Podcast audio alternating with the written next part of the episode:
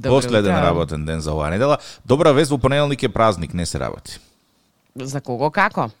Е, Кој како се декларира, се чувствува, ќе си го земе празникот, тука не смее да се да се пипка во тие чувства, Зорке. Извиним те, молам.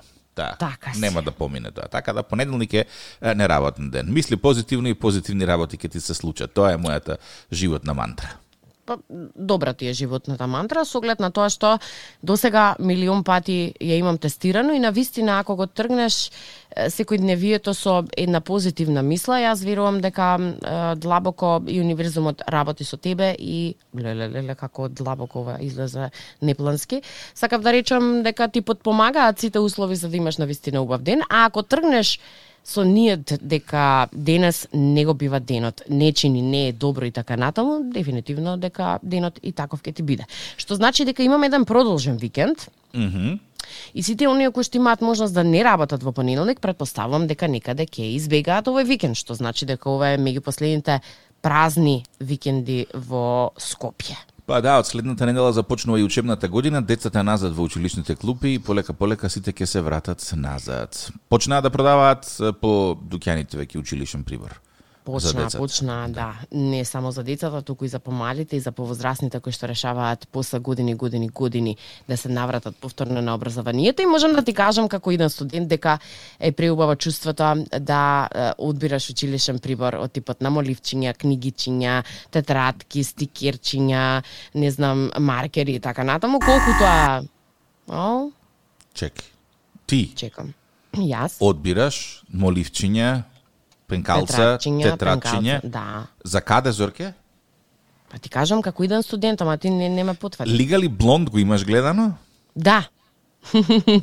и првиот и вториот дел. Не знам зошто, ама во моментов ми текна на, на Лигали Блонд е, асоциацијата кога ми кажа дека ќе бидеш студент и одбираш моливчиња и тефтерчиња. Не знам дали ја памтиш првата сцена кога се појави на факултет и кога извади една ташничка со моливчиња со тефтерчиња и сите ја гледаа као Со пувки. Да, ало, која си, што ти е и знаеш ли каде живееш момент. Ама, кој се смее после да најсладко се смее после тоа. Она викаше, која сум видете ме и знаја сите која е. Абе, Така што... добро, тоа не го спорам, меѓутоа она малку ме, ме изненади со моливчиња и со тефтерчиња. Јас мислам дека треба со Иван да се консултираш на таа тема малку, да ти каже што е кул пристап за за првиот училишен ден, затоа што откако ти си излегла од училишната клупа, да, откако ти си излегла од училишната клупа пред е, 18 години, Училиштата клупа еволуирала. Многу, многу. И мислам дека треба да се прилагодиш за, за новото време и за е, културниот шок кој што ќе го доживееш. Затоа што Јас рачунај, е, најголемиот дел од тие ученици таму ќе бидат малку постари од твојот е, постар син. Да. И сега ти треба да да, кажеш дека ја не сум кул мајка? Не, ти си кул мајка, меѓутоа пак треба да да видиш како ќе пливаш во тоа. Во секој случај мислам дека ќе ти, ќе ти биде интересно. Јас на времето кога кога студирав во е, во Америка, значи тоа беше во доцните 90-ти години од минатиот век, е, во еден од е, по ед- во еден од предметите кои што ги слушав, имав една баба која што имаше можеби 72-3 години. И Добра. е, сите се чудевме што бара бабава овдека као на, на факултет и бабата рече јас цел живот деца сум работела и животна желба ми беше да завршам факултет. Е, Немав услови тоа да го направам кога бев млада, меѓутоа еве сега на 70 и кусур години имам и време и финансиски средства и Да. јас ќе си го И завршам факултетот. И бабата ланзам ланзам си го заврши факултетот. И тоа нака мене тогаш ми беше многу кул, така да еве сега ти што го кажуваш тоа дека повторно ќе бидеш студент, мене исто така ме радува затоа што гледам дека ти работиш кон остварување на една од твоите големи желби што според мене е многу битна работа за развојот на една личност. Колку ва мисли протекоа. Права да ти кажам, се надевам дека ќе бидам исто толку кул колку што била и кул бабичката и со нови сили кон нови победи. Знаеш што беше најкул за бабичката, кој имавме журки Што? како пиеше пиво, Зорке не си свесна. Не, не сум сигурна дека ќе можам тоа да го направам со оглед на тоа што секој утро во 7:30 треба да бидам овде трезна, добро подготвена за новиот работен ден и нели она што е најважно да бидам добро расположена за да може да го пренесеме тоа на сите оние кои што имаат потреба да не слушаат, кои што имаат потреба да добијат доза на позитивна енергија.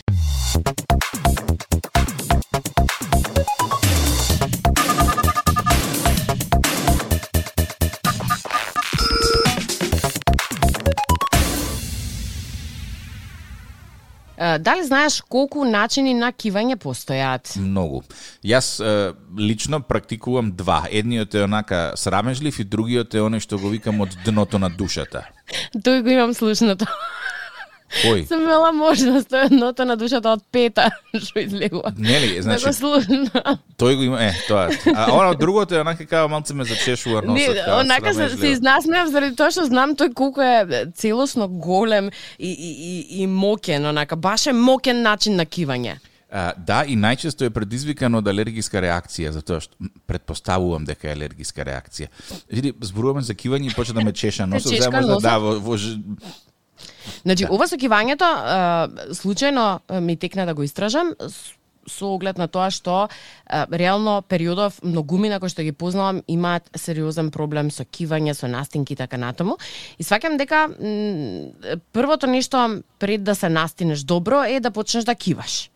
Е сега, не знам дали знаеш, ама експертите немале што да прават, претпоставам друго попаметно и решиле да тестираат дали има некаква поврзаност начинот на тоа како киваме со тоа каков е нашиот карактер мислам дека нема никаква. Има има поврзаност со Е. тоа што го поттикнува кивањето. Ке те демантирам, тие велат дека Не. има 8 начини на кивање кои што се општо прифатени помеѓу луѓето и истите да издаваат каков е как, карактерот на некоја личност. Можеме звучно да ги демонстрираме тие осум различни начини на кивање?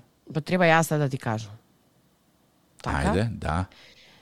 Па не ме бива баш, ама првата е извини апчиха или личност која што се извинува пред кивањето. Личност која што се извинува пред, по, а може би и за време на кивањето е некој кој што не сака премногу да влијае на животот на другите луѓе.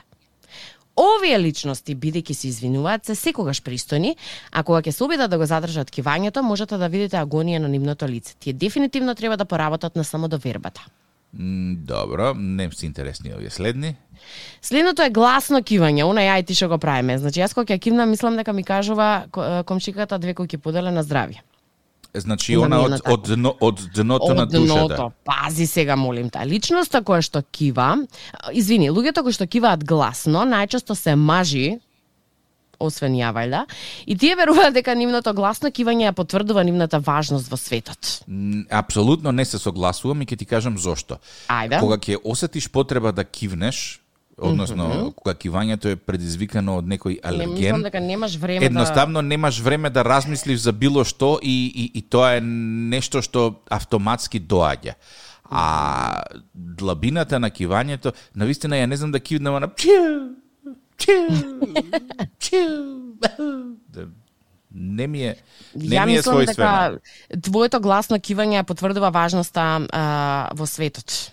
Меѓутоа никогаш никогаш не не мислам дека со кивањето ставам до знаење колку сакам да доминирам и колкава е мојата машка. Може би тоа подсвесно го правиш без да размислиш. Ако добро размислиш следниот пат кога ќе кивнеш, може би и сум во право. Вели овие личности ретко ја покриваат устата и се горди на своето кивање. Као стилот леле, како Што да покријам уста, треба да ја држам глава да не ми излете од раменици. да не чукнеш негде ти си има случајно, си има мудрено во, во шкафче, кунско, при обид да закива кивање, не знам дали боли ме болеше од што кивнав силно или главата што е треснав, така да. Дали мислам и сум горда на своето кивање, овде би го прескокнала како момент, Може да ти кажам дека не е баш најбезбедно, ама знаеш она ти доаѓа едноставно внатрешната чеша на носот и викаш е сега готово. И како тргнав главата на носот ја завратив, кога кивнав, кога се акнав во шкафчето, мислам дека беше баш она за снимање и за прегледување после тоа. Имаш личности кои што тивко киваат, и тие личности кои што киваат тивко не сакаат да привлечат внимание кон себе и се обидуваат да го задржат кивањето.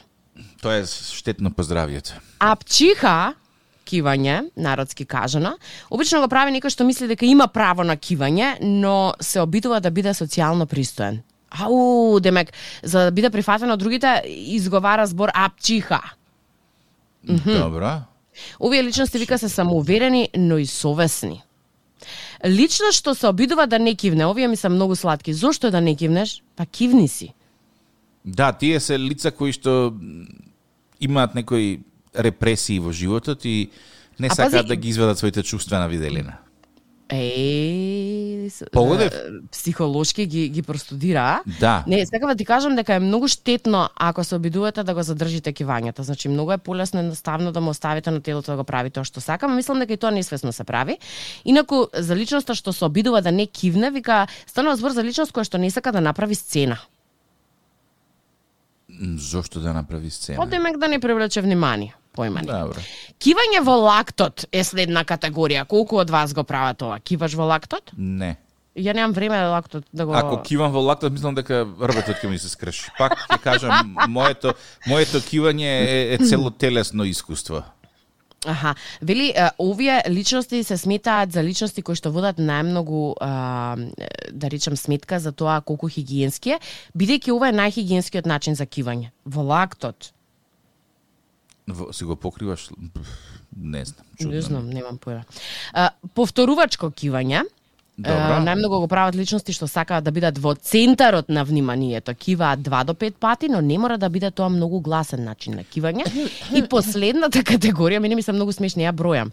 Имам а, блиска личност, да речеме, со која што секојдневно комуницирам, со која што ако не кивна поише од 4 пати, мислам како да не кивнал, разбираш, и си чекаме 4 пати, ај на здравје. И кивање преку видео повеќе тоа без марамче, овие личности се неподготвени и многу често се збунети. А као додека разговараш преку видео повеќе да кивне, а па кај да го свртам камерчето? Па и тоа што викаш, чудно е тоа. А сигурно и многу добра фаца правам додека кивам.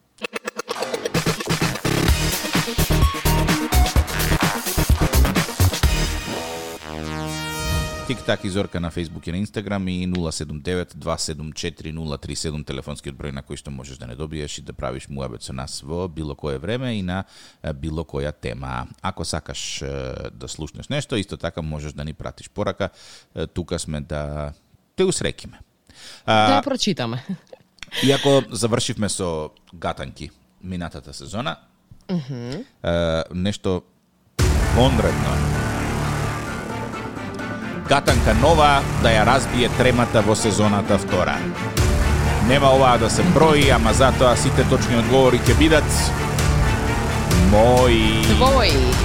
мои, мои, мои. Е, Реално ван сериска гатанка, заради тоа што сметам дека на вистина треба да ја направиме простор во утринсково дружење. Тоа што жената го има напред, мажот го има позади. А тоа што жената го има позади, мажот го нема никаде.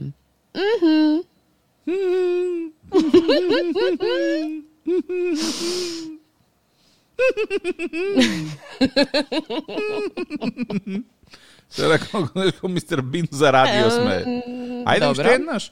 Тоа што жена Жената. го има напред, маж го Ж, има... Ж. Добро. А Буквата тоа Ж. што жената го има позади, маж го нема никаде? Жен, а. Браво. Ми ја разбига танката. Толку возбуден. Има уште еден подсетник зашто веќе не ги правиме гатанките. Зошто? Па затоа што е досадно само ти да победуваш и јас да губам. Аха, ете, вистинската причина зошто престанавме да ги правиме гатанките. Да Денес- влезе во записник, ве молам. Официјално признаено и на радио.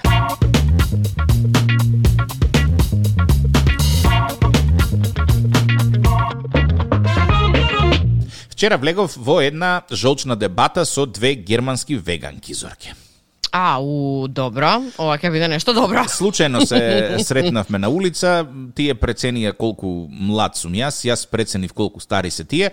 Свативме дека постои една огромна генерацијска разлика помеѓу нас. Јас закоравениот бумер, тие млади надежни миленијалки со надеж и желба дека можат да го направат светот подобро место за живење и почнавме да разменуваме животни филозофии, па така од препораки за ресторани и слично дојдовме до заклучок дека младите госпогици се веганки и не конзумираат месо, сакаат да го сменат светот да биде подобро место за живот, итн. итн. итн. итн. И е, почнавме да дискутираме околу веганството, нели, дали е тоа избор, зошто се веганки, како почнале и сето тоа.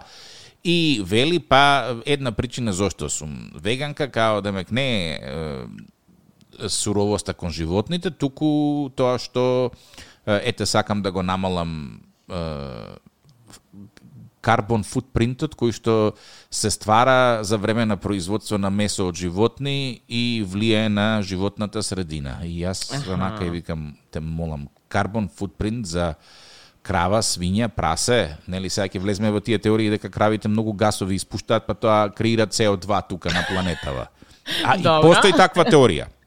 Да, да, да, да, да, верувам. Постои таква теорија дека глобалното затоплување делумно е заради тоа што кравите многу гасови, испу, односно не кравите, испуштаат гасови, туку изметот од кравите ф, фертилизира и се ствараат гасови кои што одат горе високо и ствараат тој ефект на стаклено звоно. И зборуваме Вау. уште за за веганството и као па ние не јадеме месо, месо не мора да има на сечија трпеза, викам а риба, вика па и рибата, па викам добро, у Македонија вегетаријанците риба јадат, као да ме сам, месо не јадат, ние сме посебна сорта, нели? Така е, и така. а, потоа тргнавме, нели, вика го нема месото во нашиот живот и него ни бараме. И мене ми се споија тука малку жичките, викам, види, до некаде може би е девојчево во право, да кажеме. Замисли ти во Македонија кај нас е, манго да јадеш. До пред 5 години немаше манго. Единствено нешто што можеше да добиеш со вкус на манго беа некои мастики бомбони или некои кремчиња со со вкус на манго. Па на база на тоа си викаш ако не си излезен од државата, у, вака манго Е. е, има вкус. Е, тука те чекав Зорке. Вака манго има вкус. И нели си го јадеш тоа кремче од манго во Скопје и доаѓаш во нека земја каде што продаваат манго, го пробуваш мангото и викаат ова манго нема врска со вкусот. Затоа што Сега кој е во право? Дали јас со мастикиве или овие со мангова? Е, за да ти го одговорам ова прашање, ќе ти кажам да пробаш мастики од лубеница. И кажи ми што има поавтентичен вкус, мастиката од Не, лубеница или нема. лубеницата? Не, се разбира дека мастиките од лубеница врска немаат со лубеницата реално. Е, и Лубеницата не е толку сладка. Тука го затвараме муабетот на тоа колку засладувачите, односно појачувачите на вкусови имаат допирна точка со вкусот и колку ние всушност го стекнуваме ја стекнуваме импресијата за некаков вкус базирано на она што ни се сервира. И Па замисли тоа е реално исто како кога не познаваш некоја, слушаш разно разни муабети за тој човек и ти не знаеш дали е тоа така или не. Исто е со вкусовите, идентично исто. Е, сега, реплицирај го тој пристап на веганството. Да кажеме, имаш дете на кое што никогаш во животот не му е дадено месо. И нормално тоа дете нити ќе знае како месото има вкус, ниту пак ќе знае или ќе има желба да го јаде. Еве ти типичен пример. Е, Бебињата кај нас не сакаат брокула, така? Да. Затоа што е, нашата храна за бебиња најчесто се базира на пасирани праски, гмечени банани, печено јаболче, сето тоа има висока концентрација на шекери и е благо. Брокулата нема вкус брокула. Да. И детето не ја јаде. Ама тргни да го раниш само со со брокули, со чии и такви работи, ќе створи навика за такви вкусови и нема да ги сака праските и нема да го сака месото. Така да мислам дека тоа веганството всушност е една огромна теорија на заговор која што има за цел да го тренира идното, да ги тренира идните поколенија да се одвикнат од од месо.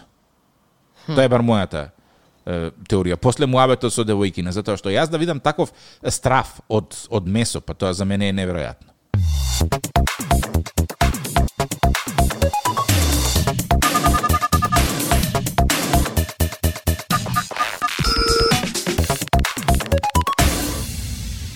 Ако ти кажам жирафа принт, на што прво ти доаѓа асоциација? Издолжено нешто? Жирафа принт. Да, пошто имаш зебра принт, тоа е црно-бело, црно-бело со линии, па логично жирафа принт нешто да оди нагоре. Нагоре доди. Да. Те прашувам дали знаеш какви се дамките на жирафите. А, е, не знам. Телото име, е, сега, пф, сите различно можат да го толкуваат ова, исто како што се толкува дали жирафата е бела има црни дамки или е црна има бели дамки. Црна, м, детско прашање. Црна со на кое што никој нема одговор. Добро, Да. не, не се. А, не знам дали знаеш, меѓутоа на 31 јули во зоолошката градина во Брајц во Тенеси родена е жирафа без дамки. Вау.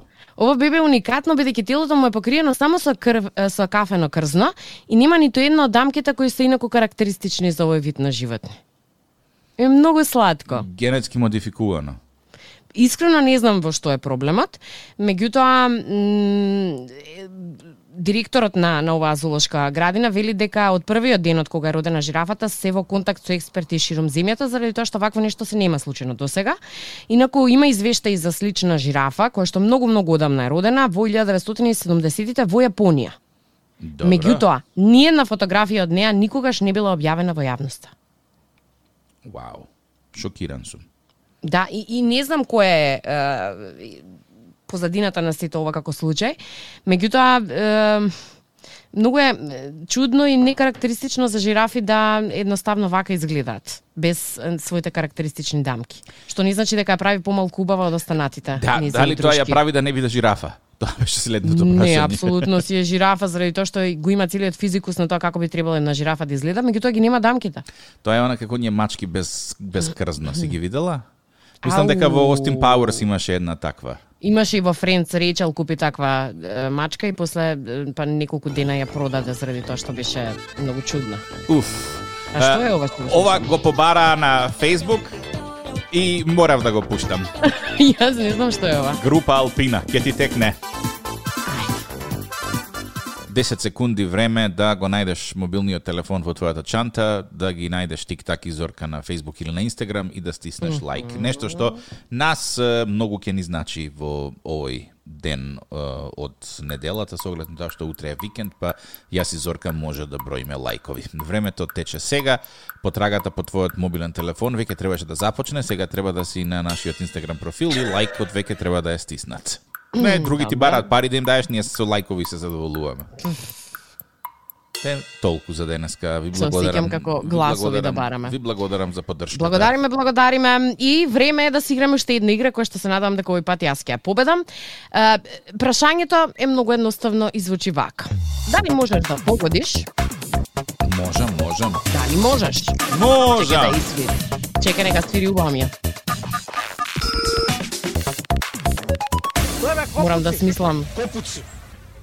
Морам да смислам соодветна кореографија за овој джингл, многу ми се допаѓа. Дали можеш да погодиш колку возачи се санкционирани во изминатите 24 часа на територија на град Скопје? Е, 100? Не, тоа е многу ниско и нереално. Оптимистички. П- 200. М, сепак не. И... 300. Многу си близко до крајниот одговор, ама ни тоа не е. 350. Ако дај си, дај си, дај си аплод. 350. И двајца. 352. Да. Браво, Во Зорке. изминатите 24 часа, од кои само 108 е, за возење со брзина поголема од дозволената, 28 за возење без возачка дозвола, 32 за прекршоци што ги прават возачите на моторцикл, 3 мерки за минување на црвено светло, 20 за користење три? на мобилен телефон, да, толку фатиле. Како наслепо ишеше зборот на мобилено тоа што поминуваат на црвено не ми е. Па јасно. може би тоа им било фокусот. 14 за некористење на сигурносен појас и Машала. така натаму и така натаму. Многу е важно од сето ова што го кажавме дека се апелира дека сообраќајните контроли ќе продолжат и во наредните динови и апели, се апелира до граѓаните да ги почитуваат сообраќајните правила и прописи за да се зголеми безбедноста во сообраќајот. Еве јас сега баш најдов во Лисабон колку фатиле вчера. Добро. 9613. Бу. Само со камери. сега, Со какви камери? Камери за мерење на просечна брзина на пат. Ау, никој не излегува да ги види тука на Не. камерите се регистрира Да, да, да, джанг да, да, и да, честитка и- во пликце. Да, Добар ден, да, добар ден. да. Ова е за вас. Убав ден. Да. Замисли си велам, само замисли да работат камерите кои што се поставени на улиците на 24 часа. Само замисли. И да се регистрираат сите оние неправилности кои што вообичаено се прават кога никој не гледа. Нели? Замислив.